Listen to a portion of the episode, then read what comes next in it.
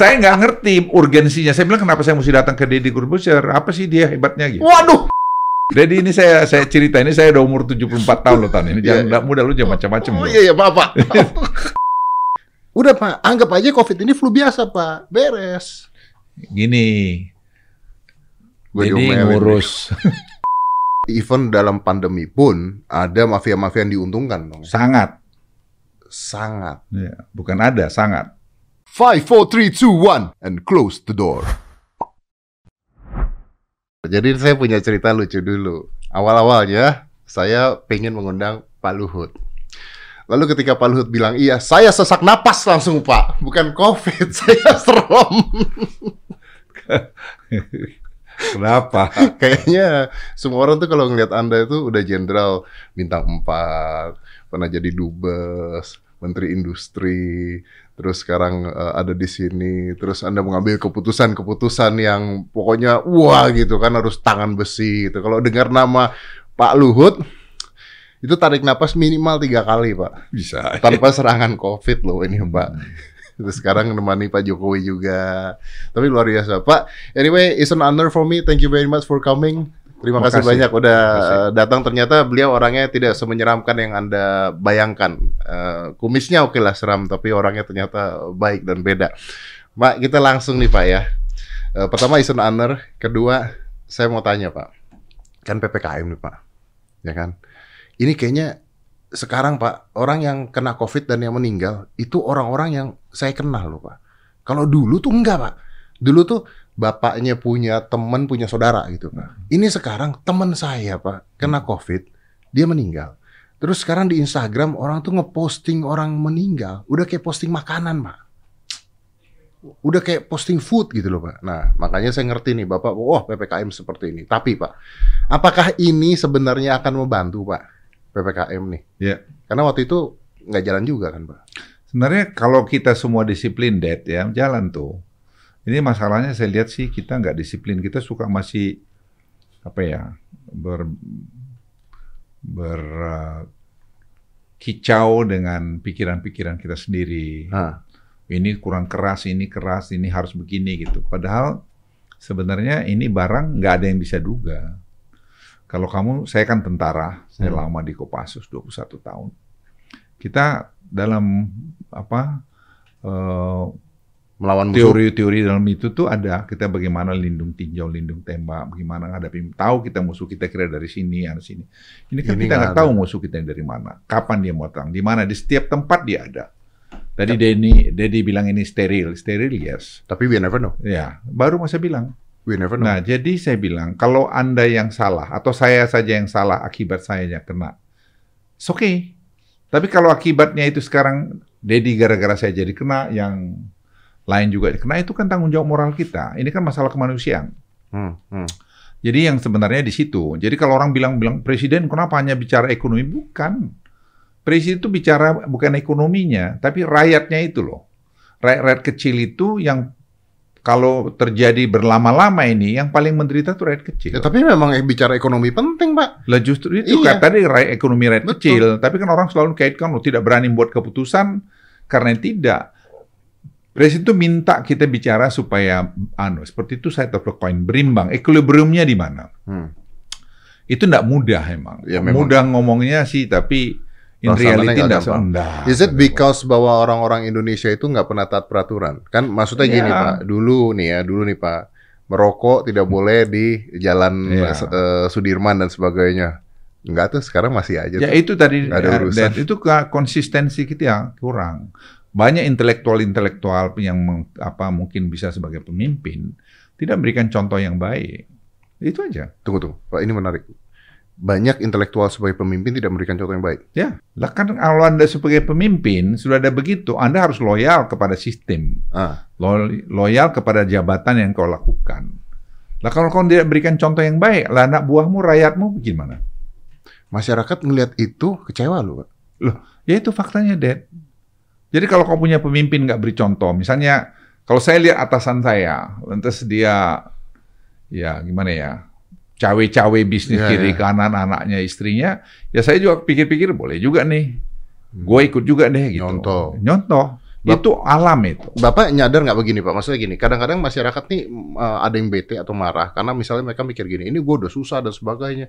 Terus kemarin bansos di eh, ada korupsi dan sebagainya. Di luar korupsinya Pak ya, tapi masyarakat merasa bahwa ini kita nih dipermainkan, tapi pemerintah diuntungkan gitu. Ada yang ada yang berpikir gitu kan Pak? Ya, tapi kan kita untung ada seperti Pak Jokowi. Hmm. Ah, so, definisikan untungnya dari mana kita punya ya Jokowi kita Pak? paling tidak apa namanya kita nggak nyontoh pemimpin yang nggak benar gitu. Oh, Oke, so pusatnya dulu ya iya kita dong. lihat Jadi ya. sekarang kalau karena presidennya nggak maling ya kita pun kan mikir-mikir mau maling. Ah. Katakanlah begitu. Kenapa? Malu dong. Pemimpinnya sederhana, kerja keras, maunya benar, tanggung jawab. Mau cari dari mana kayak gitu? Berani. Kan saya tentara, saya tahu banyak mantan-mantan komandan saya. Hmm, hmm, hmm. Ya, banyak mantan-mantan komandan saya, saya lihat wah ini stylenya Pak Jokowi ya something gitu. Saya pernah ngomong itu Bapak harusnya masuk Kopassus. Gimana caranya Pak? Bapak kan tentara nih. Ya, Oke, presidennya eh, sipil gitu. Terus kan Bapak kan artinya membantu Pak Jokowi, ya, ya kan? Berarti kan bisa dianggap bawahan Pak Jokowi. ya, bawahan bukan dianggap bawahan. Bawahan, Ya. bawahan Pak Jokowi. Sedangkan Pak Jokowi itu sipil loh. Ya. Anda tuh jenderal bintang 4 Ya. loh. Ya, dalam struktur presiden kan mengangkat pa- pangkat-pangkat tentara. Berarti Anda nurut dengan Pak Jokowi, Pak? Ya harus nurut dong. Kalau saya nggak nurut, cuman Enggak saya. that, Emang Bapak bisa nurut sama orang gitu? Ya tuh nurut. saya selalu nurut pada sistem. Nurut pada sistem. Iya, saya nurut pada Oh. sistem. Jadi nurut sama- cuman dua. Kalau saya nggak suka, Mm-mm. ya saya cuman dua. Ya, Keluar. saya resign. Ya keluar artinya, Ya. Pak ya. Simple as that gitu. Oke, oke, oke. Atau saya diem. Artinya kalau presidennya bukan Pak Jokowi, belum tentu kita seberuntung ini gitu maksud Bapak. Yes. Oh, Dalam kondisi seperti dalam sekarang, kondisi Dad. seperti sekarang. Yes. Why? Loh. Kenapa, Pak? Sekarang proses pengambilan keputusan tuh, Dad. Daddy bisa lihat tuh cepet dan berani. Dan saya berapa kali testing kok. Kan saya lebih tua dari presiden. Nah, itu dia. Dari makanya. segi umur. Ah. Maaf ya, bukan apa-apa. Tapi saya lihat, wah ini presiden boleh, berani. Tidak apa-apa lu. Kerjain aja, saya tanggung jawab. Itu satu bentuk pemimpin yang menurut saya kita patut contoh. Eh, enggak ada kepentingan pribadi. Kan saya pasti tahu. Ya karena beliau nggak ada kepentingan pribadi, marah kita berani, berani. Iya, bermain di sana. Iya dong, mau jadi rempeyek kamu. Ah, oke. Sebenarnya saya kalau ngelihat ya dari kinerjanya Pak Jokowi sih udah luar biasa untuk mengatasi Ya, Indonesia, negara Ya. yang seperti ini, Yes. Pak. Ya. Suku, agama, ras, antar golongan semuanya beda, Ya. agama beda, Ya. keributan beda. Bisa seperti itu lumayan banget gitu. Ya kalau menurut saya sih bukan lumayan banget. Ya kita untung ada seperti Pak Jokowi. Ke depan kita belum tahu lagi gimana. Oke, tapi masa seorang presiden tidak ada negatifnya, Pak? Ya pasti aja lah negatifnya. Masa nggak ada negatifnya? Ada dong. Ya paling tidak nggak bisa gemuk-gemuk lah badannya. Kalau saya nih Pak, saya ini keselnya satu sama pemerintah Iya. Pak. Satu keselnya saya pemerintah. Kenapa nama pem- kenapa pemerintah merubah-rubah nama PPKM, PSBB, PPKM mikro, PPKM macam-macam? Pusing Pak, Bukan. pusing. Sebenarnya dari- Ayo. gini. PSBB itu kan lahirnya dari bawah. Oke. Di satu provinsi pengen dia melakukan itu dia bikin nanti diajukan ke pemerintah Iya. disahkan oleh Kementerian Kesehatan. Ah, Kalau PPKM? PPKM ini dari pusat, bisa langsung berbagai-bagai provinsi atau secara nasional. Jadi dua hal yang berbeda itu. Tapi namanya nanti Pak berubah. Ikan sekarang PPKM, ada PPKM mikro. Nanti PPM Nah mikro ini, tadi saya bilang tadi, enggak ada yang aneh. Mikro ini kita mau di seperti Jakarta ini. Kita mau beberapa spot-spot aja yang kita buat. Karena itu juga dimungkinkan. Nah sekarang keadaan-keadaan darurat sekarang ini kita AB lebih besar lagi. Kenapa nggak Jakarta lockdown beres Pak? Lockdown itu gini, se- apa tidak segampang itu juga. ada. Mati semua rakyat nanti kalau kita lockdown. Jadi kita pikir-pikir, bagaimana saya kan udah bilang tadi, bagaimana kita nyimbangkan masih bisa gitu.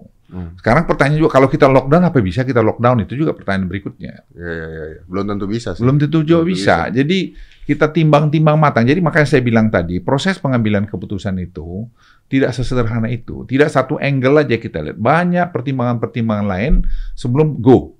Cuma namanya Pak namanya bikin-bikin nanti PPKM neraka gitu kan udah mulai udah Ya nggak juga kan ada PPKM mikro, ada ya PPKM darurat cuma dua aja sih. Oke, oke, oke, oke. Saya saya paham di sana, Pak. Oke, saya paham. Tapi bisnis nih, Pak. Saya mau protes lagi. Pokoknya saya di sini protes, ya, Protes Pak aja, Luhut. masalah. Ya kan ke mana lagi kalau bukan protes ke Pak Luhut? Oke. Eh, banyak orang Indonesia yang pengen Indonesia seperti Singapura. Udah anggap aja ini COVID kayak flu biasa. Udah, begitu kata Singapura kan. Ya. Terus keluar iklan, Pak. Iklan apa eh, vaccinate apa Pak. Iklannya kalau itu Pak saya akuin aku- iklannya bagus. Di Indonesia iklannya Hmm. tidak sebagus itu. Udah Pak, anggap aja COVID ini flu biasa Pak, beres. Gini, Gua jadi ngurus ngurus 5 juta, 6 juta orang dengan ngurus 270 juta orang, ngurus satu pulau, ngurus 17 ribu pulau, ngurus banyak yang kungfunya aneh-aneh lagi. Ya nggak sama lah, beda lah. Saya Jadi saya saya nggak nggak adil juga. Sekarang aku komplain sama kamu, nggak adil dong lu. Iya, iya, gue tahu sih. Gak usah dijawab, saya tahu. Saya kan, iya sih. Ini Iya. Pak ya, kita ke Singapura Pak ya. Iya. Saya ke Singapura, buang sampah sembarangan aja nggak mau loh Pak. Lah iya, Oh. coba kamu di sini, lu buang sampah juga ya. Iya bener. Nah itu yang saya maksud tadi kita sebagai intelektual yang mungkin pada level pemimpin gitu harus kasih contoh. Iya, Contoh bicara kita, contoh nindak. Jangan kita beri contoh pada anak muda yang nggak bagus. Ini kan banyak kelakuan pemimpin-pemimpin kita ini beri contoh yang nggak bagus pada anak-anak muda. Itu generasi yang akan gantiin dia nanti. Iya, bener sih. Ya, Emang nggak kedisiplinan kita beda ya jadi. Ya. Kamu tadi seperti anakmu coba lihat tadi hebat. Hmm, Anunya dia. Coba kalau sorry ya, kalau Dedi brengsek kan anakmu juga Anaknya nggak ya. segagah gitu. Iya, iya betul. To be honest lah, to be fair lah. Iya, iya, iya. Iya kan? I'm agree with Jadi kita semua harus berikan contoh yang baik. Jadi jangan asal ngomong, ngomong hari ini A, besok B, kayak gitu-gitu. Kelakuan kau bilang pokok saya kalau anu janji harus begini, kalau enggak saya begini. Ternyata lu nggak deliver, lu nggak lakukan juga. Nggak lakukan juga. Ya, itu sih masuk akal, Pak. Nah, kalau kita keluar dari masa Singapura, saya ngerti Indonesia beda, Er, jumlah rakyatnya beda, semuanya beda. Jadi nggak bisa disamain sama Ya, Singapura. tapi kita juga banyak belajar dari Singapura. Kenapa mereka juga bisa gitu dalam tentu skala yang lebih kecil Nah, ya. kecil, Pak. Lah iya tapi ya itu pendidikannya bagus, apanya bagus. Dulu zaman Orde Baru kita sebenarnya bisa hanya kelamaan aja mungkin Orde Barunya seperti itu. Ya, tapi sistemnya saya nih sampai kesimpulan loh, Ded. Anda Ini, nyindir siapa maksudnya? Dedi ini saya saya cerita ini saya udah umur 74 tahun loh tahun ini. Jangan Iya, nggak muda lu jangan macam-macam. Oh loh. iya, iya, Pak, Pak. Jadi apa yang saya bilang gini loh ya. Negara kesimpulan saya nih sekarang ya. Negara berkembang itu atau negara maju itu tidak mau negara berkembang itu jadi negara maju. Jadi kalau bukan dari kita sendiri membuat kita jadi negara maju nggak akan jalan, Ded. Orang suruh hajar kita terus. Jadi Saya ulangi ya, negara maju tidak mau tidak mau, tidak rela negara berkembang itu jadi negara maju. Saya boleh, fact. wes, yes, boleh beranu sama saya. Siapa aja itu yang merasa tidak benar saya ngomong ini, silakan aja. Karena saya ngalamin bagaimana mereka mempersulit kita supaya kita bisa maju. Itu fakta. Hmm. Semua kita salah, ini salah. Lepas kita kan harus survive. Berarti ini hal ini bukan konspirasi ya? Nah, ya, I don't know apa. Ya, tapi memang maksudnya negara maju pasti ingin menggunakan negara-negara yang berkembang untuk kepentingan mereka exactly. intinya. Jadi misalnya gini, Oh, dia mau semua supaya hasil-hasil buminya itu diambil. diambil, diolah di tempat dia, nanti dijual kita. Jadi kita ini hanya tempat nampungnya doang. Iya, iya. Sampahnya aja di kita. Iya. Ya nggak mau dong. Makanya saya bilang sama mereka, loh, kami juga kan pengen menikmatin hasil olahan daripada hasil kami. Tapi kalau Anda tidak mau, Anda akan melawan mereka. Nah, itu yang terjadi kita sekarang. Nah, itu hebatnya Pak Jokowi. Soal hilirisasi. Saya bilang ini apa sih ada loh Pak yang nggak suka? Lawan aja gitu. Itu saya suka gitu. Tapi melawan negara besar itu, Pak. ya kita lawan dengan tentu kita apa ya no, bisa Strategi. bermain lah. Kan nah, konstitusi kita ngajarin kita juga. ya jangan kita nggak bebas ngegas aktif. banget. Iya, bukan lainnya harus cerdas. Itu yang kita lakukan untuk kita bisa leapfrog gitu. Termasuk vaksin nggak, Pak? Ya vaksin sama. Kita deal dengan Cina. Sekarang Cina anu join dengan anu kita mau bikin uh, industrinya Indonesia. Kita mau semua kita buat dalam negeri, obat-obat sekarang. Kita hajar semua itu obat-obat. Semuanya buat bikin dalam negeri. Hmm, jadi nggak ketergantungan dengan mereka. Jadi sekarang kamu baru kita baru tahu nih waktu kemarin India lockdown tahun lalu Ah, kita tuh gregetan loh apa, gelegapan loh. Kenapa? Kita biasanya punya paracetamol. Hmm. Nggak, anu loh, negerimu yang hebat gede yang ini nggak punya paracetamol industri. Oh, mau. Oh iya, sekarang baru punya gara-gara itu. Kita harus impor dari India. 95% bahan baku obat kita impor dari Cina, dari Indonesia, dari apa luar.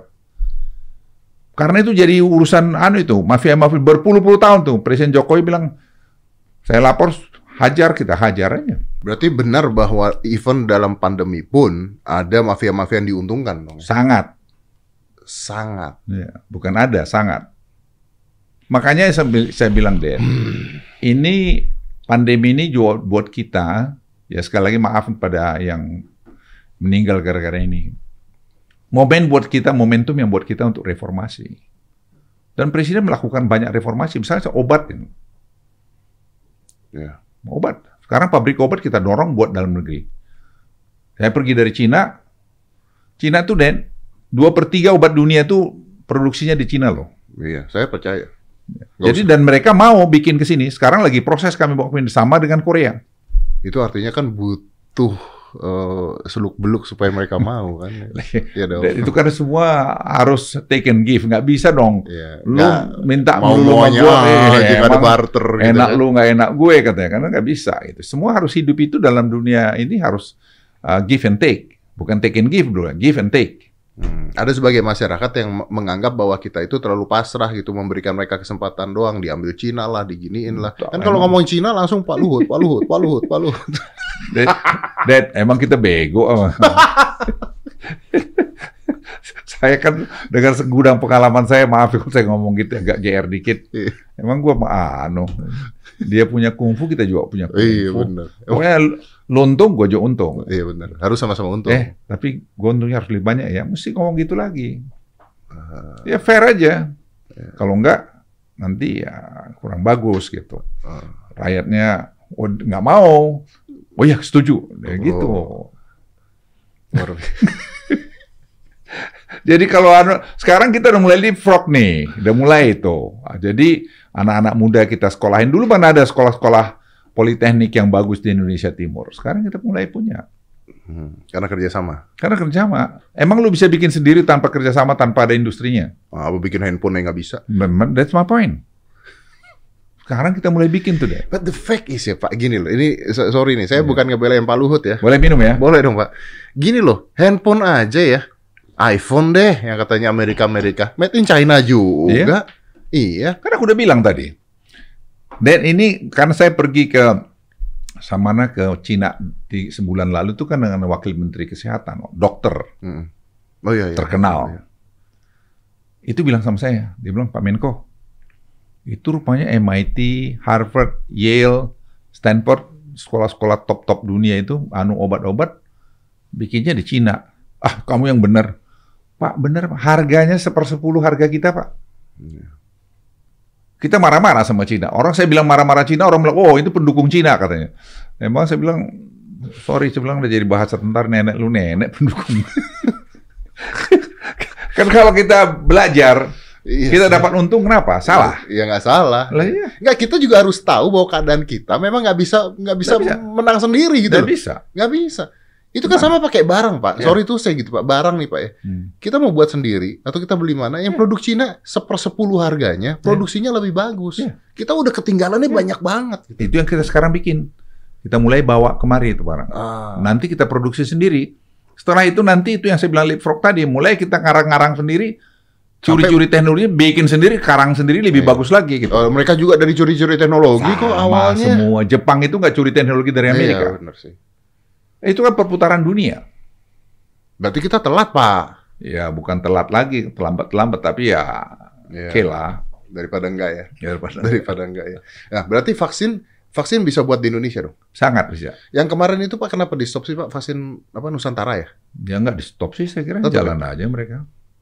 Masih jalan Pak ya? Saya kira jalan masih. Saya tanya kemarin dokter Terawan, masih. Saya bilang jalan aja terus. Oh, soalnya ada berita saya baca begitu nggak nggak tahu beritanya mungkin eh, kacau. Pak kalau Invermac Ivermectin. ya. Ivermectin, tadi saya baru baca postingannya eh, Pak Peter F Gonta. Hmm. Dia bilang katanya nih Pak Luhut udah ngomong gini, tapi ya gimana sih? Tia coba deh, ada nggak? Jadi, nah itu obat, itu obat eh, sebenarnya dari berapa bulan yang lalu udah heboh kan, Pak? Ya saya 8 bulan lalu itu. Saya bicara pertama eh, ivermectin itu sama eh, dokter Fatima dari kepala rumah sakit rumah sakit BUMN. Hmm. Waktu uh, wave pertama dulu tuh, gelombang pertama dulu. Kita pakai tuh ivermectin tuh karena Presiden Trump waktu itu ngumumin di White Hmm, House. hmm.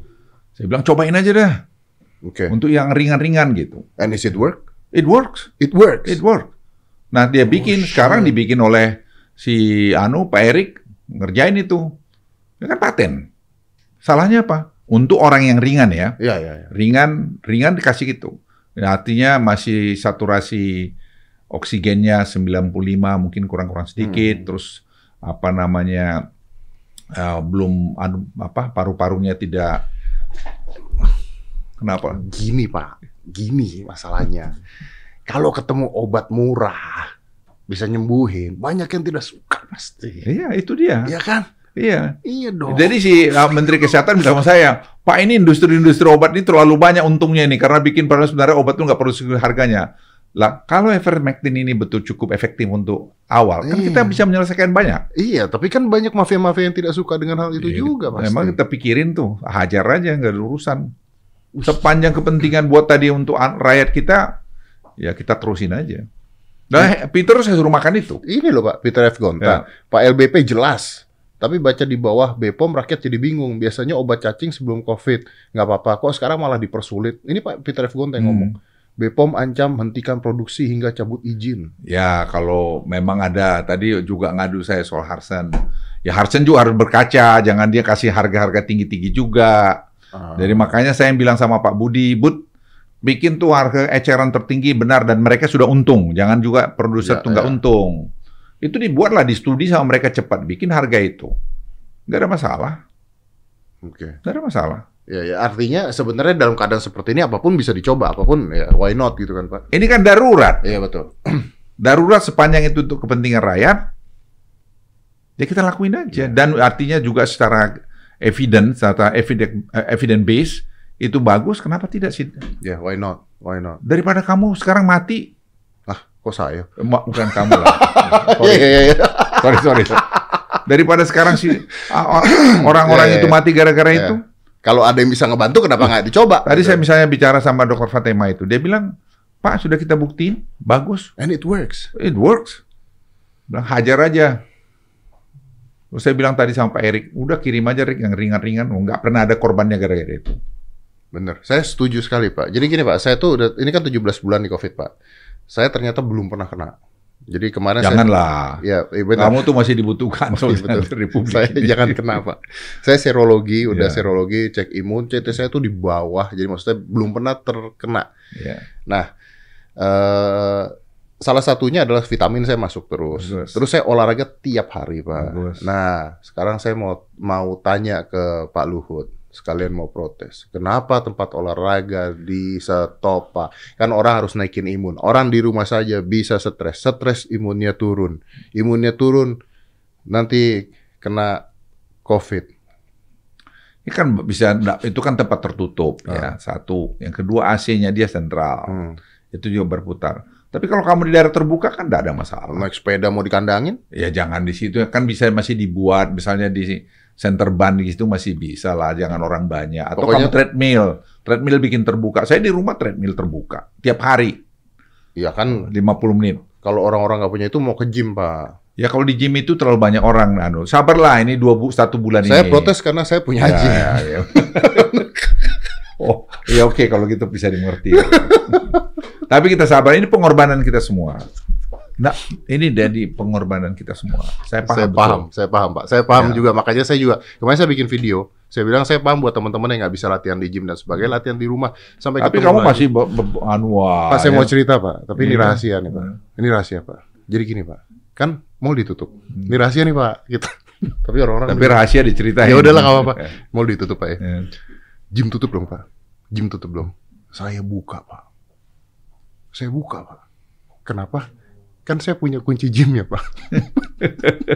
Oh lu main luxury. Jadi saya sendirian di sana. Kalau sendirian sih mungkin nggak ada masalah. Iya kan maksudnya kan eh, prokesnya ngikutin Iya. kan basicnya tidak ada kerumunan. Iya. Jadi kemarin saya bikin video juga saya bilang saya ada di gym. Saya bilang gitu Pak. Iya. Saya terus terang karena saya ngerasa saya nggak ngelanggar. Saya ada di gym Hmm. yang saya tutup buat umum. Hmm. Saya sendirian latihan di Yeah, sana. it's okay. Dan saya bilang ini privilege buat saya. Iya, Tapi teman-teman di rumah tetap move, tetap Iya. olahraga, tetap Iya. bergerak gitu. Iya. Karena menurut saya gini Pak.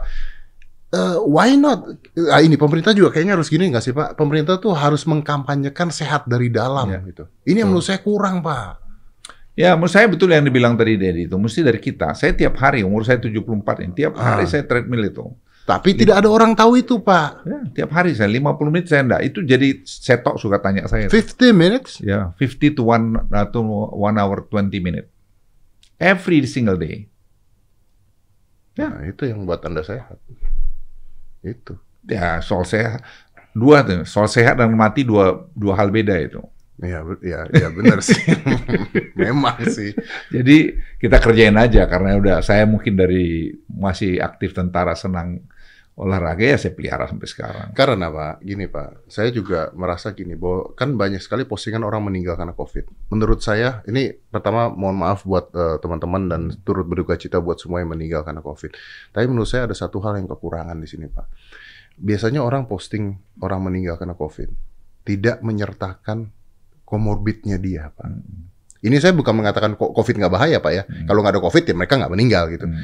Tapi kalau kita tahu komorbidnya Pak, orang mulai menjaga diri di hal-hal lain Pak gitu loh. Betul itu. minum gula kebanyakan, Ya. diabetes, jantung, obesitas kan ini pak yang Ya. itu gitu loh. Saya, Saya betul 1000% benar itu. Jadi ujung-ujungnya jamu kan, nah, jaga mulut. Jadi harusnya kalau mulut kita nggak bisa kita rem Dad. Ya kita makan terus aja jadi ya hamil tiga bulan lah cepet. iya. Nah, bapak kok bisa umur segini? eh, Nah, ini saya udah naik 2, 2, kilogram ini. Saya mau turunin lagi 2-3 kilo. in your age, bapak care. Ya, I'm very very care, very care. You're 73 70 going to be 74 next month. and you care about your body. Yes. Pasti. Biasanya orang kalau sudah mulai tua, ah udahlah gitu. Enggak loh. Saya bilang saya tiap pagi saya bangun itu jam 5.30. Ah tidur jam berapa? Ya, saya tidur jam 9.30, jam 10. Saya tidur. Ya, tujuh setengah jam cukup Ya, ya, tidur. of course ya. Saya bangun langsung ganti ke saya uh, toilet, ganti piyama dengan apa uh, jogging track, langsung ke treadmill saya, langsung on. Terus hidup, saya hidupin TV saya, ambil tadi apa namanya itu uh, Nonton. uh, bukan ya nonton apa uh, untuk olahraga seperti Oh, atletik. iya iya. Iya. Ya, saya nonton atletik, lari 3000, lari 10000, 5000, 10000, sprint, itu aja selama 50 menit, satu satu jam setengah. Makan? Makan, saya malam saya skip most of the time my dinner. Saya suka nih karena saya sampai detik ini masih intermittent fasting 18 jam. Sudah Oh. 8 tahun Pak saya Pak. Mantes yang kamu gagah terus. Jadi makan tuh sehari cuma sekali atau dua kali Iya. di 4 jam udah saya stop makan sama sekali. Gula saya nggak masuk, semua nggak masuk. Saya sempat ngobrol sama dokter Tirta. Dokter Tirta Hmm. bilang bisa aja itu salah satu yang bikin imun kuat nggak kena COVID juga Hmm. bisa katanya. Hmm. Jadi ya itu jaga mulut buat eat. Jaga mulut, jamu bukan jaga mulut. Iya, iya, jamu ya. Jaga mulut. Jaga mulut ya. iya. Tapi kenapa Bapak masih care dengan how you look now? Eh, badan kebiasaan karena tentara. Ya, kalau kamu mau kerja, berpikir normal apa semua kan tadi ketauladanan tadi. Hmm. Jadi kalau kamu mau ngomong gimana badan kau udah bunting tiga bulan gimana? Orang lihatnya juga males gitu Ya, ya. males juga. Is it affecting your mind, Pak? Sangat. Sangat. Oke. Oke. Karena kalau affecting your mind, banyak orang yang mengatakan Pak Luhut ini kalau ngambil keputusan eh, terlalu tegas. Nah, kalau dibutuhkan tegas, saya kalau enggak juga ya saya suka ketawa-ketawa sama anak-anak di kantor. Saya kan di kantor saya kan anak muda-muda itu. Ah. Seperti saya Tok, Firman nih, Pandu lagi, semua tuh anak-anak muda. Ya, ya, ya. ya. Ya. Saya kan enggak ngerti semua itu, Wano. Jadi, mana saya ngerti? Makanya harus ada mereka. Nah, Mereka mereka itu mereka terjemahinnya dengan bahasa-bahasa kekinian. Oh ya. Yang Jadi kalau- lah ya. Jadi kalau ya ini seperti ketemu kamu, mereka bilang Wah ini nggak enak. harus pergi katanya. Ya udah saya pergilah.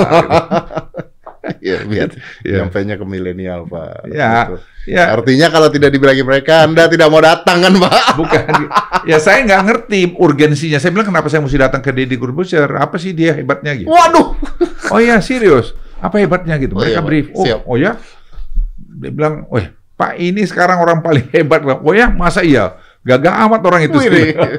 Tapi yang benar terus saya lihat, wih benar juga, Oh, iya. hebat banget. Nggak terlalu hebat. Saya kagum juga lihatnya itu. Artinya kenapa? Mungkin juga Anda memberikan contoh bagaimana Anda memainkan Betul. apa, eh, apa peran Anda sebagai eh, talk show seperti ini. Ya, santai Pak. Kita santai, bikin orang ketawa, kena somasi.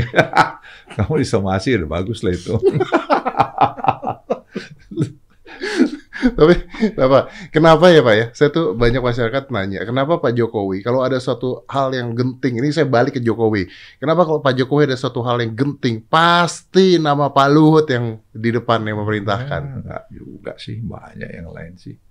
Ya kalau itu kamu tanya presiden lah. Saya tapi saya enggak merasa juga ya saya itu sama dengan menteri yang lain. Hanya ya mungkin saya lebih tua dari yang banyak menteri. Ya kalau ya mungkin presiden lihat saya lebih cocok untuk ngerjain begini ya ditugasi. Ditugasin di Saya kerjakan. sini. Oke. Menurut Pak Luhut, ini vaksin vaksin kan lagi diteruskan. Ya. Kapan COVID berhenti, Pak? Wah, kita Tidak mesti, tahu. Mesti tanya. Dari mesti tanya Tuhan itu. Tak ada lagi yang bisa jawab. Karena dulu kami sudah waktu awal-awal di tahun lalu pakai model modeling matematika segala macam segala macam sudah. Akhirnya kita give up sekarang udah enggak, bisa gitu. Dulu kita udah enggak, Juni ini kita Juni yang lalu kita sudah anggap selesai. Ya. Artinya mungkin Artinya sudah ya, udah landai. manageable lah Ya, gitu. manageable. Sekarang malah kita naik. Tapi saya punya teori. Pak. Iya. Eh, COVID naik karena eh, yang dites makin banyak. Enggak juga, enggak juga. Sekarang seperti Dedi bilang tadi, saya balikin rumah kamu lagi. Kamu bilang dulu yang mati itu, yang maaf, Iya, yang meninggal Ya, ya, ya, ya. ya. anak dari an, apa Anak saudara. dari ya, Nah, betul. Sekarang mendekat. sekarang udah di inner circle Quarter. kita. Ya. Bayangin coba di rumah saya aja, anak saya, mantu saya tiga kena. Bapak pernah kena nggak? Enggak. Nah, oke. Bapak nggak pernah Kena janganlah, janganlah. Kenapa Bapak tidak pernah kena COVID? I don't know. I don't know. Ya nggak tahu deh. Tanya alam. itu. Disayang Tuhan kayaknya. Ya kita nggak tahu lah kita anu lah kita ya saya selalu jaga juga ya artinya Tapi kan no matter how Bapak gini Pak, jaga tuh oke prokes tuh melindungi. Tapi sometimes Pak, kita pesan makanan dari Gojek juga kita nggak tahu Pak. betul sekali sangat benar banyak unknown kita Iya yang kan? tidak kita tahu tuh dari banyak makin tua saya saya lihat waduh makanya kalau udah tua itu sudah mulai senior itu jangan terlalu gampang jahatin orang Hubungannya apa ya? ya kak kalau kamu sekali-sekali pingin melayat orang yang check out gitu Hah? kamu lihat eh Check out dong. Check out. Sooner or later saya akan You begitu. be gitu. there, Jadi ya. jangan kamu jahatin orang. Gunakan hatimu yang paling dalam sebelum kamu ngomong. Hmm. Ada banyak orang saya lihat tuh nganuin Pak Jokowi. Padahal tanya setelah lihat-lihat belakangnya nggak jelas juga nih barang. Iya benar. Nah, kritik Pak Jokowi misalnya bilang begini begitu, siapa sih? Saya sedih karena kadang tuh anak-anak mahasiswa. Cucu saya yang paling besar dia sudah mahasiswa loh. Oh. Jadi yang saya mau bilang, kita yang sudah senior tuh jangan mendidik anak-anak muda kita jadi seperti kelakuan kita yang tidak baik. Kita harus didik mereka biarlah menjadi generasi penerus yang baik. Jangan karena ambisi-ambisi kita tidak tercapai, lantas kita ajak anak-anak muda, anak-anak penerus kita jadi rusak seperti kita. Masalahnya sekarang mengkritik itu banyak orang bukan mengkritik tapi menghina. Iya, itu. That's the problem Iya. gitu. Mengkritik is okay, you do Iya, that gitu iya, loh. Tapi iya. mengkritik kan ada tata caranya menurut Iya, saya. Harus gitu. ada tata keramanya lah. Kamu kadang-kadang posisikan dirinya Anda gitu loh, dikritik dengan cara-cara gitu. Suka nggak? Ya sakit hati pasti. Lah ya. Sekali-sekali merenung, apalagi kalau sudah Anda misalnya umur-umur 60 ke atas gitu, sekali-sekali merenung kalau gue diginin, marah nggak sih gitu? Sakit nggak sih gitu. Ya pasti. Jadi saya pesan saya juga sebagai yang ya boleh bilang nggak senior lah di Republik ini dalam segi umur segala macam. Ayo kita coba merenung. Kalau kita mau menjadi seorang yang bisa jadikan tauladan di lingkungan kita maupun di masyarakat ini. Kalau Bapak dikatain orang, Ah, saya biar apa kurangnya saya dikatain. Dan, waduh, dibilang gua beginilah ini begini saya bilang saya bilang sama Setok sama si anak buah-buah saya itu, sama si Jody, saya, saya bilang sepanjang saya nggak bikin apa-apa kan urusan apa yang gue pikirin, saya bilang. Ya, Istri saya yang bilang, Eva kamu kalau udah selesai ini jangan lagi jadi menteri-menteri ya kan. Capek. Capek, gue kan. Capek, eh, capek. saya bilang yes, 2024 kita selesai nggak mau lagi, saya bilang sama dia. 2024 udah, Pak? Nggak mau. 77 tahun saya by the time kalau Tuhan kasih umur panjang. Iya, but if the if Semua Jo Ano apa namanya jadi kita mesti tahu waktunya kapan kita berhenti. Kan banyak pengabdian lain. Ini orang kan semua terus ambisi harus jadi presiden baru bisa ngabdi. Apain kamu mesti jadi presiden aja? Bisa ngabdi apa aja? Kamu nih ngabdi nih. Karena mesti jadi presiden Republik Indonesia. Ini semua kalau nggak jadi presiden langsung mati gitu. karena status. Lah, ya itulah kamu hidup karena status. Akhirnya kamu mati pakai status nggak tuh mati tuh. Kubur pakai tanah juga loh. Iya benar. Ini sama aja deh at the end, you know. Ngejar status sih, Pak. Begitu mati. Dan mati status lu apa? Sama kuburan satu kali dua. iya. Bener. Ya tapi kan sekarang keributan biasanya orang ngejar status, ngejar eh, ingin memerintah, tidak masuk ke pemerintahan, kan begitu-begitu Iya. biasanya. Nanti sudah sampai di pemerintahan maling juga.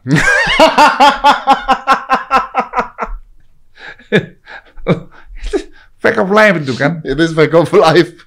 Ya, sekarang saya misalnya, kalau saya nyuri gini, nggak mungkin tuh anak buah saya yang paling dekat itu nggak ngerti yang muda-muda itu. Nggak mungkin nggak ngerti. Apalagi mereka saya udah bilang sama kamu, Wong dia bisa ngitungin kantong orang untungnya berapa. Makanya Iya. orang-orang pengusaha-pengusaha itu nggak berani main-main nih. Kita tahu Pak ini, anu dia apa namanya untung dia, nah, dividen dia tahun ini sekian. Wah, Betul.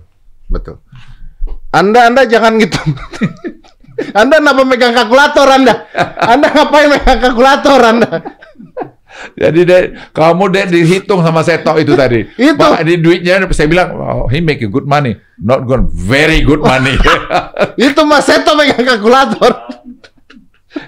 Jadi bukan good money. Saya dikritik sama dia barusan, dikoreksi. Oh. Bukan bukan good money pak, very good money. Wow. Very-nya tuh tekan lah gitu. Wih. Wih. Jadi Bagaimana takut. dia nggak tahu kalau saya juga eh, korupsi? Ya, pasti tahu lah, nggak mungkin nggak.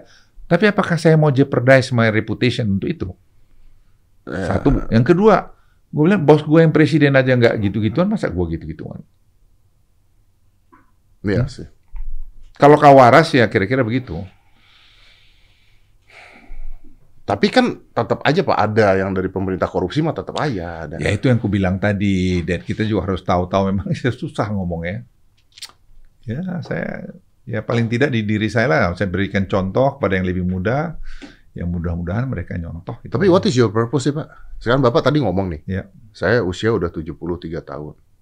Bener ya? Ya, 73 lebih. tahun. Actually my my father uh, my father passed away when he's 73. Hmm. Jadi saya ngeliat bapak saya keinget sama uh, almarhum ayah. Dan my father actually passed away karena menurut saya pada saat itu udah pensiun nggak ada kerjaan jadi akhirnya di rumah yang nggak ngapa-ngapain gitu maksudnya. I mean you need work kan, you need to move gitu kan pak. Nah di usia 73 tahun pak, what what is your purpose of life? Ya saya pikir dengan segala macam pengalaman yang Tuhan kasih, talenta yang Tuhan kasih sama saya, dan dikasih peluang ini, ini kan anu mystery of life. Hmm. Jadi this is mystery of life. You- Saya saya ini prajurit profesional loh, nggak banyak maaf ya. Waktu sejaman saya yang mengalami pendidikan pasukan khusus seperti saya banyak nggak banyak. Hanya mungkin berapa ekor. Mana saya kebayang hari ini saya nggak ngomongin COVID, ngomongin ekonomi, ngomongin ini. Nggak pernah kebayang sama sekali itu. Jadi saya melihat flashback kepada hidup saya, saya bilang, oh iya, This is not ambition pak. Nah, ya ambisi pastilah kita ambisi pengen jadi somebody gitu loh ya. Iya, iya. Tapi, not akhirnya- here gitu. Ya. Tapi sekarang setelah saya lihat ke belakang, oh, makanya pesan saya kepada anak-anak saya, udah kau kerja keras aja deh. Dan kepadanya saya tok, pandu semua itu udah, gak usah aneh-aneh kamu, kerja keras. Kalau kau mau jadi, kau jadi. Kau mau jadi apa? We don't know. Anything could happen to you. Nanti kau paksa-paksain, kau malah check out lebih cepat. Serius, Dad. Jadi, just do it the best, you know. Ya kita nggak tahu. Jadi karena kau cemburu, tiba-tiba misalnya orang lihat karena maaf nih saya anu presiden dulu apa hanya wali kota di Solo misalnya orang bilang kok bisa gua udah jenderal gua udah politisi, gua udah gini di Jakarta, Kok dia hanya jadi? di kampung. Oh, Kok malah dia terus gubernur jadi presiden? it's mystery of life. That's mystery of life. Orang bilang Jokowi itu apa Islamnya? Lah waktu beliau masih wali kota datang ke rumah saya, udah sholat sholat aja jam waktunya sholat beliau sholat. Tanya di mana saja anu Hmm. apa sajadah eh, di mana tempat sholat wudhu apa sajadahnya Sajadah. minta dari ajudan saya dia sholat diam-diam dulu itu nggak- mana pernah predik mau jadi jadi presiden masih wali kota Berarti Bapak kalau ngelihat Pak Jokowi dihina ya, bukan dikritik nih ya, dihina dengan Bapak melihat Pak Jokowi dari dulu seperti itu, it hurts then. ya saya pikir nggak adil gitu loh. Saya sedih apalagi kalau yang mengkritik menghina itu orang-orang intelektual katanya orang terpelajar. Sayang gitu loh. Sayang. Saya pasti kepentingan saya nggak ada mau apa-apa kok. Mau naik pangkat pangkat apa? Sudah semua saya dapat saya hanya ngabdi dengan segala talenta kesempatan yang diberikan Tuhan buat ya Republik ini dan saya pikir saya bisa bikin banyak kok kenapa saya enggak dan saya mau warisin kepada anak-anak muda supaya mereka lebih baik dari saya supaya mereka jangan ada pikiran-pikiran jahat dengan bekerja dengan hati jangan busuk hatinya itu aja Hmm. kekayaan kamu mau kaya berapa sih Iya Jadi? sih, dibawa mati Pak. ya, lah mati. lu mati lu lihat tuh ada yang kartanya di bawah mati itu nggak ada tuh dia yang lihat di Kalibata yang punya duit banyak-banyak itu check out tuh ya kalau Iya. Islam dia bawa kafan aja Iya benar. kalau yang Kristen ya bawa dia cuma peti mati aja udah selesai Paling beda ukuran peti mati Ya. sih Pak. Iya. Nanti orang seminggu apa seminggu kelamaan dua hari wah sedih.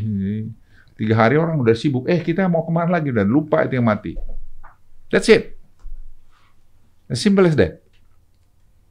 Wow. You see a life as a mystery ya. Iya, mystery of life. Jadi ngapain kamu sampai berkelahi, sampai mau hujat-hujatan, bunuh-bunuhan, ngomong dengki-dengkian? Ya, kamu nggak tahu Tuhan tuh maunya apa. Yeah, you never know. You never know. You cannot predict anything. Oh, aku nanti mau dari sini, sini, ya, sini.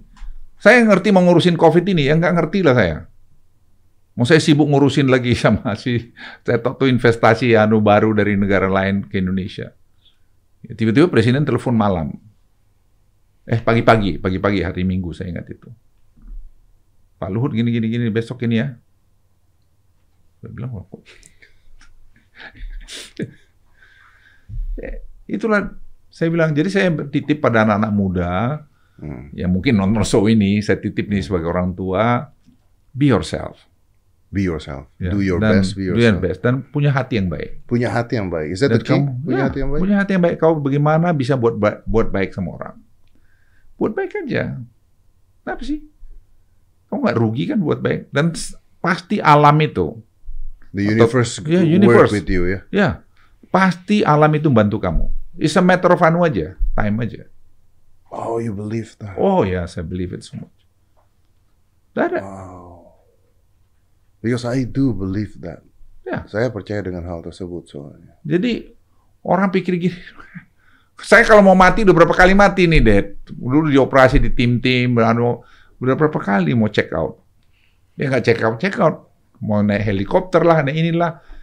Terus akhirnya saya pikir-pikir, oh, saya pernah satu ketika doa saya itu karena helikopter kami sudah sampai, saya pikir udah sebab the crash. Saya hanya doanya cuma satu aja, karena saya udah hopeless, pilotnya udah teriak, sudah segala macam doa dibaca sama si si mekaniknya si kru apa mekanik kita ini. Saya tuh hanya tuh ya doa, ya hanya satu aja doa saya Tuhan kehendakmu jadilah, udah that's it. Ya, if you die, you die. Gitu. Ya. Tapi tiba-tiba ada lubang terus tuk masuk kita situ. Pilotnya turun udah gitu. gitu. itu fact of life. Itu sorry, pada saat kejadian saya cuma penasaran. Pada saat kejadian itu Bapak turun and what do you feel? Saya ya. Karena saya masih kapten, masih muda. Hah. Oh, boleh juga rupanya gini-ginian gitu. saya pikir, saya kapten kon Kopassus masih muda nih. Wah, masih gagah banget lah. Masih ceking lah. Masih, mau saya nggak ada, Ah. lemaknya nggak ada lah. Ah, ah, ah. Ya, itu aja. Boleh juga maksudnya Oh, s- Rupanya mau mati itu ya gitu gitu loh. Jadi orang semua teriak itu yang namanya mekanik saya itu udah baca doa segala macam itu doanya. Bapak nggak teriak? Enggak, saya Anda mereka aneh. bilang mereka bilang Pak untung Bapak nggak panik Pak. Kalau Bapak panik kita nggak tahu lagi apa. Pendek apa? Panik di, Oh, di, panik. di- di pesawat itu. Saya tenang aja. Eh kamu lihat itu eh, ini gini. Ya itu kejadian dalam hidup. Tapi Anda aneh, Pak. Kenapa aneh? Lah, masa nggak teriak? Enggak tuh. Iya, saya naik kora-kora aja teriak. Pernah dibawa ke Dufan nggak sih? Coba ke Dufan gitu. Jadi yang mau saya bilang itu Jadi hidup itu memang ano apa, jadi memang banyak misterinya. Eh, semua adalah. Jadi kalau kau bermimpi dulu jadi presiden, tiba-tiba Ah. kau yang mimpi, eh, tiba-tiba yang jadi orang yang tidak kau anggap apa-apa. ya udah. Ya udah. so what? Masa lu mau bunuh diri gara-gara itu? Atau mau jelek-jelekin dia seolah-olah lu yang paling hebat? Ya, Ya, ya. nggak boleh. Because whatever you do, kalau memang ending-endingnya enggak ya sudah Ya gitu ya, udah, nggak bisa ngapa-ngapain lagi. Wih, deh. foto Oh, masih- ada foto, ada foto. Iya tuh.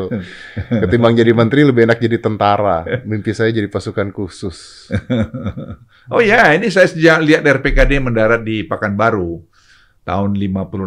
Ah. Waktu itu menebut lapangan terbang Simpang 3. Itu sebabnya saya pengen loreng ini. Tapi loreng dia yang pakai dulu loreng yang bulat-bulat kecil. Terus saya bilang saya harus masuk uh, pasukan khusus RPKD waktu itu. Dan di, di mimpi saya, saya mau bikin pasukan elit sendiri gitu. Kejadian apa? Nah kejadian Gultor itu saya bikin. Oh, Ya. Ya itu. Kan itu, masih kurus saya itu itu. bapak ya? Itu bapak ya berarti. ya? Yang mana? Itu kan bapak kan? Ya ini saya nih. Lagi megang rokok nggak pak itu pak? Oh enggak, saya enggak ngerokok Iya, ya. Pak. Oh iya, waktu ngerokok. Masih muda itu ngerokok itu pak. Sampai kapten saya ngerokok. Itu letnan satu. Ya. Sampai kapten. ya. Tapi saya ber, Berhentinya berhenti kenapa? merokok ya karena tim-tim. Ah, urusan Ya karena di operasi tim-tim saya bilang nggak boleh merokok. Karena? Ya saya musuh akan bisa cium kau merokok. Oh. Jadi saya bilang sama anak saya nggak boleh merokok. Karena saya bilang nggak boleh merokok, saya berhenti merokok juga. Sampai akhirnya keterusan. Sampai sekarang terusan. Musuh mencium bau rokok. Ya, karena berhari-hari dia lebih sensitif gitu. Jadi makanya saya di Kopassus dulu bikin peraturan nggak boleh merokok. Waktu operasi di tim-tim nggak ada, saya hukum yang merokok dulu sana. Ini beneran musuh Beneran. bisa mencium bau rokok. Ya bisa. Dan kamu pun kalau sudah 10 hari, 2 minggu, 3 minggu di hutan, you can smell it. Oh, because you become very sensitive, Iya, to- sensitive, to, ya. smell. Ya, Oh, jadi kayak orang lacak di mana dan sebagainya. Ya. Pak, ya. itu makanya ada latihan yang disebut latihan apa namanya, itu, penjejakan. Iya, iya, iya. Jadi tracking itu. Jadi kamu juga bisa menjejak. Iya, dari ranting patah, Iya. jejak kaki. Dulu saya waktu di Kalimantan masih cekeran itu Kaki. Ya kaki. Setelah tiga bulan jadi kuat juga. Jadi lingkungan juga yang ngajar. Saya tuh pernah baca ya bahwa kita tuh manusia tuh akhirnya bentuk kaki kita itu terjadi karena sepatu. Iya betul. Karena harusnya nggak seperti itu. Bisa jadi enggak? Ya, Iya. melebar dia kan. Hmm, Tapi karena terus generasi generasi generasi pakai sepatu ada, ada satu eh, bukan budaya satu tempat gitu pak di mana eh, rakyat pribuminya Mm-mm. itu kakinya bisa nyengkrem loh pak Bisa jadi. karena they they're coming from there they never know the technology Iya. jadi berubah kakinya and that's amazing Hmm. that's amazing wah gila. keren pak anda luar biasa pak Ya enggak juga. pak sebelum saya tutup nih pak Hmm. pertanyaan terakhir kenapa eh, WNA masih bisa masuk pak di ppkm pak Kalau ke Jakarta kan tidak sebenarnya. Kalau ke Jakarta Jakarta, tidak. datang dia harus anu dapat vaksin apa sertifikat. oke Kedua dia harus swab. oke Swab dari negaranya, swab di sini dan 8 hari. Sekarang peraturan baru tadinya 5 hari, sekarang kita bikin 8 hari. 8 hari Ya. Ah, oke. Nggak ada yang salah itu. Jakarta juga tidak masuk. Maksudnya? Maksudnya nggak masuk Jakarta. Ya masuk Jakarta dia mesti begitu. Kalau tadi ada orang yang mau datang kemari. Oke. Kalau kita yang ke Singapura, sekarang dikasih 12 hari. Ya kita, mereka yang kemari, kita kasih 8 hari. Kenapa 8 hari? Ada hitungannya. Karena kita hitung masa inkubasinya. Ya, masa inkubasi itu antara 8 sampai 10 hari. Hmm. Kenapa kamu ketawa? Ya sekarang mesti ilmiah. Jadi saya yang ngomong ini, Dad, bukan saya. Jadi nanti kau bilang nih, ini Pak Luhut nih sok ngerti-ngertian. Enggak, saya juga nggak ngerti. Saya di briefing mana anak muda mau nikah itu. Ya, mereka bilang, Pak, kenapa mesti anu berapa hari? Dia bilang gini, Pak, kalau mau 12 hari. Iya. Tapi kalau 12 hari terlama, Pak. Kalau 8 hari itu sudah Ada oke. udah oke. Apa dengan swab ya. Jadi datang di swab setelah 8 hari di swab lagi baru kita bisa discharge. Iya, saya ketawa karena saya ngeliat foto bapak tadi waktu muda, terus jadi kopassus, jadi apa, jadi apa gitu. Saya ngebayangin kalau saya jadi anda gitu, saya nggak pernah mikirin gitu kan, gue latihan tiap hari nembak, jalan gitu kan, nyari musuh. Sekarang saya tahu tentang Iya. Saya bilang mystery of life. mystery of life. Saya instruktur nembak loh, jangan Nah, main. makanya. Saya itu yang menciptakan nembak nembak apa teori-teori nembak di Kopassus. Ya, Oh, teori nembak di kopassus. ya. Jadi anu macam-macam gak nembak itu ada namanya reaksi satu, reaksi dua, reaksi tiga sampai reaksi lima. Itu saya yang ciptakan dulu. Eh, kasih saya satu contoh. Ya nembak bagaimana kamu nembak misalnya dengan sasaran-sasaran terpilih, bagaimana sasaran-sasaran bergerak, bagaimana kamu bergerak, nembak reaksi Oke, namanya iya, itu. iya, iya. Are you still doing it, Pak? Ya sekarang nggak lagi, tapi kalau saya praktis ya barang Masih beberapa bisa. hari mestinya sih masih oke lah. Kemarin saya coba masih Masih oke. lumayan lah. Masih oke. Gampangan lawan beginian atau gampangan lawan musuh sih, Pak? Ya, Beda lawan, ya. Lawan musuh mungkin saya kira masih bisa kita hitung. Ini kita nggak bisa ngitung. Iya, betul. Bisa kapan saja dead kita bisa terkena. Iya, betul. Nggak ada yang anu. Jadi makanya saya himbau, benar-benar saya himbau deh. Untuk anak-anak muda, kalian juga lingkungan kalian, ingatin deh. Ya, kalau kau kan mau jadi manusia, jadi pemimpin satu ketika, Iya. jangan sembrono. Jangan sembrono. Jadi kalau sudah ditentukan oleh itu ikutin aja. Itu disiplin itu. Ya, I think I think by now kita semua harus berkorban intinya Ya. begitu. Eh, Ya semua berkorban, Den. Istri saya itu udah komplain tujuh keliling itu, nggak pernah berani keluar rumah. nggak berani keluar rumah. Lah ya takut juga, kan istri saya umur 72 tahun juga. Mau jalan tu- 72. Kan umur-umur sangat rentan ya. Nah, Bapak kalau begitu pulang gimana? Ya saya mandi dulu, langsung begitu mau janji loh. Eh, mandi dulu katanya. Nggak boleh ketemu. Ini kan juga jadi kebiasaan baru, Dedi.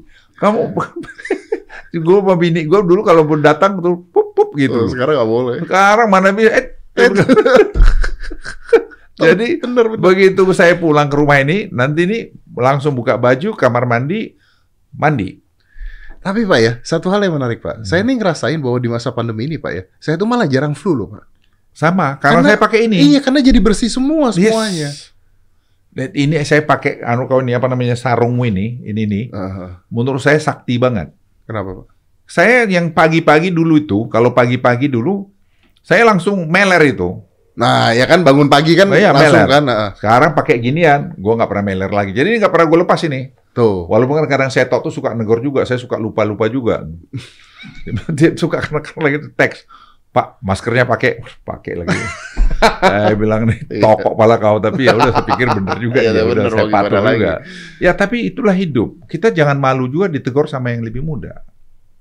Hmm. Ya jadi pemimpin itu pun harus berani menerima pendapat dari yang muda. Ya, ya betul. betul. Emang kita Superman bisa benar Ya, semua? ya. Enggak juga Nggak kan? tahu semuanya juga Pak ya. Enggak dong. Betul. Saya terima kritik, Ya. tapi kritiknya tuh yang Yang jangan menghina. Jangan hina lah. Jangan ngata-ngatain. Iya, kayak kamu udah pengalaman aja lu. Iya, lu, Maksudnya- lu ada di sana lu pusing juga lu gitu. kan. Aduh, udahlah deh. Makanya saya bilang tadi, kemarin kapan saya ada? Oh, ada. Saya dengan anu pimpinan anu pimpinan apa namanya itu? Pimpinan Pempret.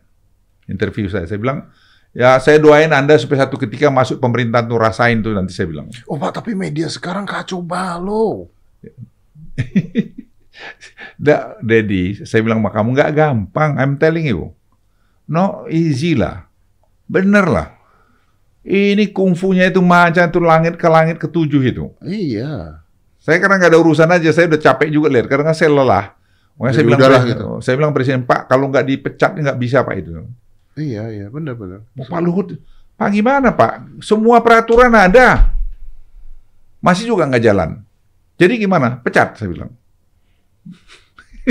Keluar tentara saya. Dan presiden bilang presiden tuh anu juga setuju. Jadi saya bilang Pak capek Pak udah ngomonginnya nggak jalan ya jalan mesti dimanain Pak saya bilang. Iya, iya, iya, iya. Mau nggak mau ya Pak ya? Dia bilang paham ya biar Pak jelas Pak gitu loh. Iya benar. Nah, nah itu yang saya bilang presiden tuh hebatnya. Coba yang lain belum tentu nanti kan wah takut, takut. mikirin ini, mikirin nama Ini baiknya. kawan ini nggak ada Ah, takutnya saya lihat. Bagus, iya, I, I love it. Luar biasa Pak Jokowi, luar biasa. Ya Pak, terakhir nih Pak, karena udah hampir sejam Bapak juga harus jalan katanya Pak. Saya sih sebenarnya kalau ngobrol nggak bisa stop Pak, tapi ya udahlah Bapak harus jalan katanya. Dari tadi udah peringatkan jam 7 katanya ada suatu Pak. Terakhir nih Pak, saya nggak setuju kalau Bapak pensiun sih. Ya. Karena saya berpikir bisa saja habis COVID ini Pak, aliens turun Pak. Kamu alirannya si Seto itu. Loh. Oh, loh, bener nggak, bro? Bener nggak? Ya kan? Loh, bener kan?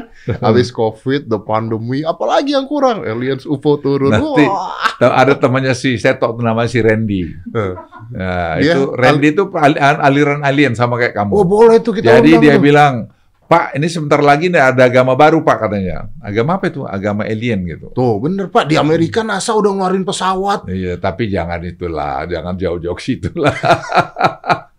itu, tempat saya tuh banyak aneh-aneh si Jody. Jody sama juga manusia-manusia yang alien juga itu. Manusia alien gitu. Mm-mm. Tapi Bapak dikit-dikit percaya dong. Oh ya. saya Aduh, ini asik banget nih padahal nih ngomongin ini nih. Iya kan? Saya sih, saya sih agak-agak percaya, Pak. And I know when they come, they will not come in peace. ya enggak lah kita lihat aja lah. Tapi teknologi mereka pasti jauh lebih bagus dari teknologi. Masalahnya alutsista Anda tidak ada gunanya.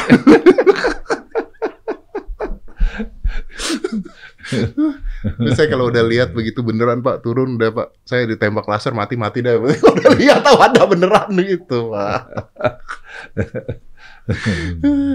ya udahlah tapi saya nggak mau bahas itu dengan Pak Luhut. Nanti jadi masalah baru. Ntar kamu disomasi lagi. Jangan dong. Somasi, kenapa bilang ada alien gitu? Oh iya lu bisa lu Pak. Iya, Sekarang ada. semua orang baperan, Pak. Iya. Saya tuh sampai terakhir kali posting di Instagram saya bilang gini, udah Indonesia jangan baper, kita udah stres. Iya benar itu. Sekarang siapa yang nggak stres saya tanya. Eh, Makanya Pak, ketika disomasi Pak, saya bukan masalah benar atau salah. Itu kontennya kan bercanda. Hmm. Ya Bapak udah tahu lah tadi Iya. kontennya bercanda. Saya tetap minta maaf. Tetap minta maaf. Dan saya bilang gini, ini bukan masalah benar atau salah. Kita udah stres semua. Kalau dipanjang-panjangin, saya ngelawan lagi. Aduh. Udahlah, janganlah. Udahlah, salah ya. Udah minta maaf. udah. Udah, begitu aja. Udah beres Pak. Kita udah stres Pak. Aduh, udah, udah Pak. ya. Kalau saya tadi Dedi bilang anu saya mau udah selesai saya mau titip satu aja. Siap. Kita semua yang dengar ini ayo kita galakkan tadi kepatuhan terhadap protokol kesehatan. Kepatuhan terhadap protokol Ya, kesehatan. itu itu aja sih. Dan kalau belum ada vaksin, vaksin deh. Vaksin cukup kita, nggak ada kurang vaksin kita. Hmm. Bulan ini kita akan 30 juta vaksin. Dan bulan depan, Agustus, kita akan 45 juta vaksin. Ya. Jadi nggak ada masalah. Hmm. Nah, kalau Anda divaksin, probability Anda untuk mati itu, maaf ya, untuk check out itu lebih kecil. Lebih kecil. Jauh lebih kecil daripada Anda tidak divaksin. Jadi, dan lebih dari itu, penularan ke orang lain tuh pasti akan juga jauh lebih kurang. Oke. Jadi Saya titip itu aja. melindungi diri sendiri, melindungi Ya. orang lain juga Ya. intinya. Dan kemudian kalau Anda tidak suka sama orang, bi- kritik aja dengan elegan, tidak pursul dengan cara-cara yang tidak terpuji. Ya. Karena itu merusak dirimu sendiri. Hmm. Jadi bekerjalah dengan hati, berbuatlah dengan baik, karena hidup ini penuh misteri. Mystery of life. Mystery of life. Jadi kalau Anda yang masih muda, masih panjang jalanmu, titip dari saya sebagai seniormu atau sebagai yang lebih tua, itu aja. Dad. Siap.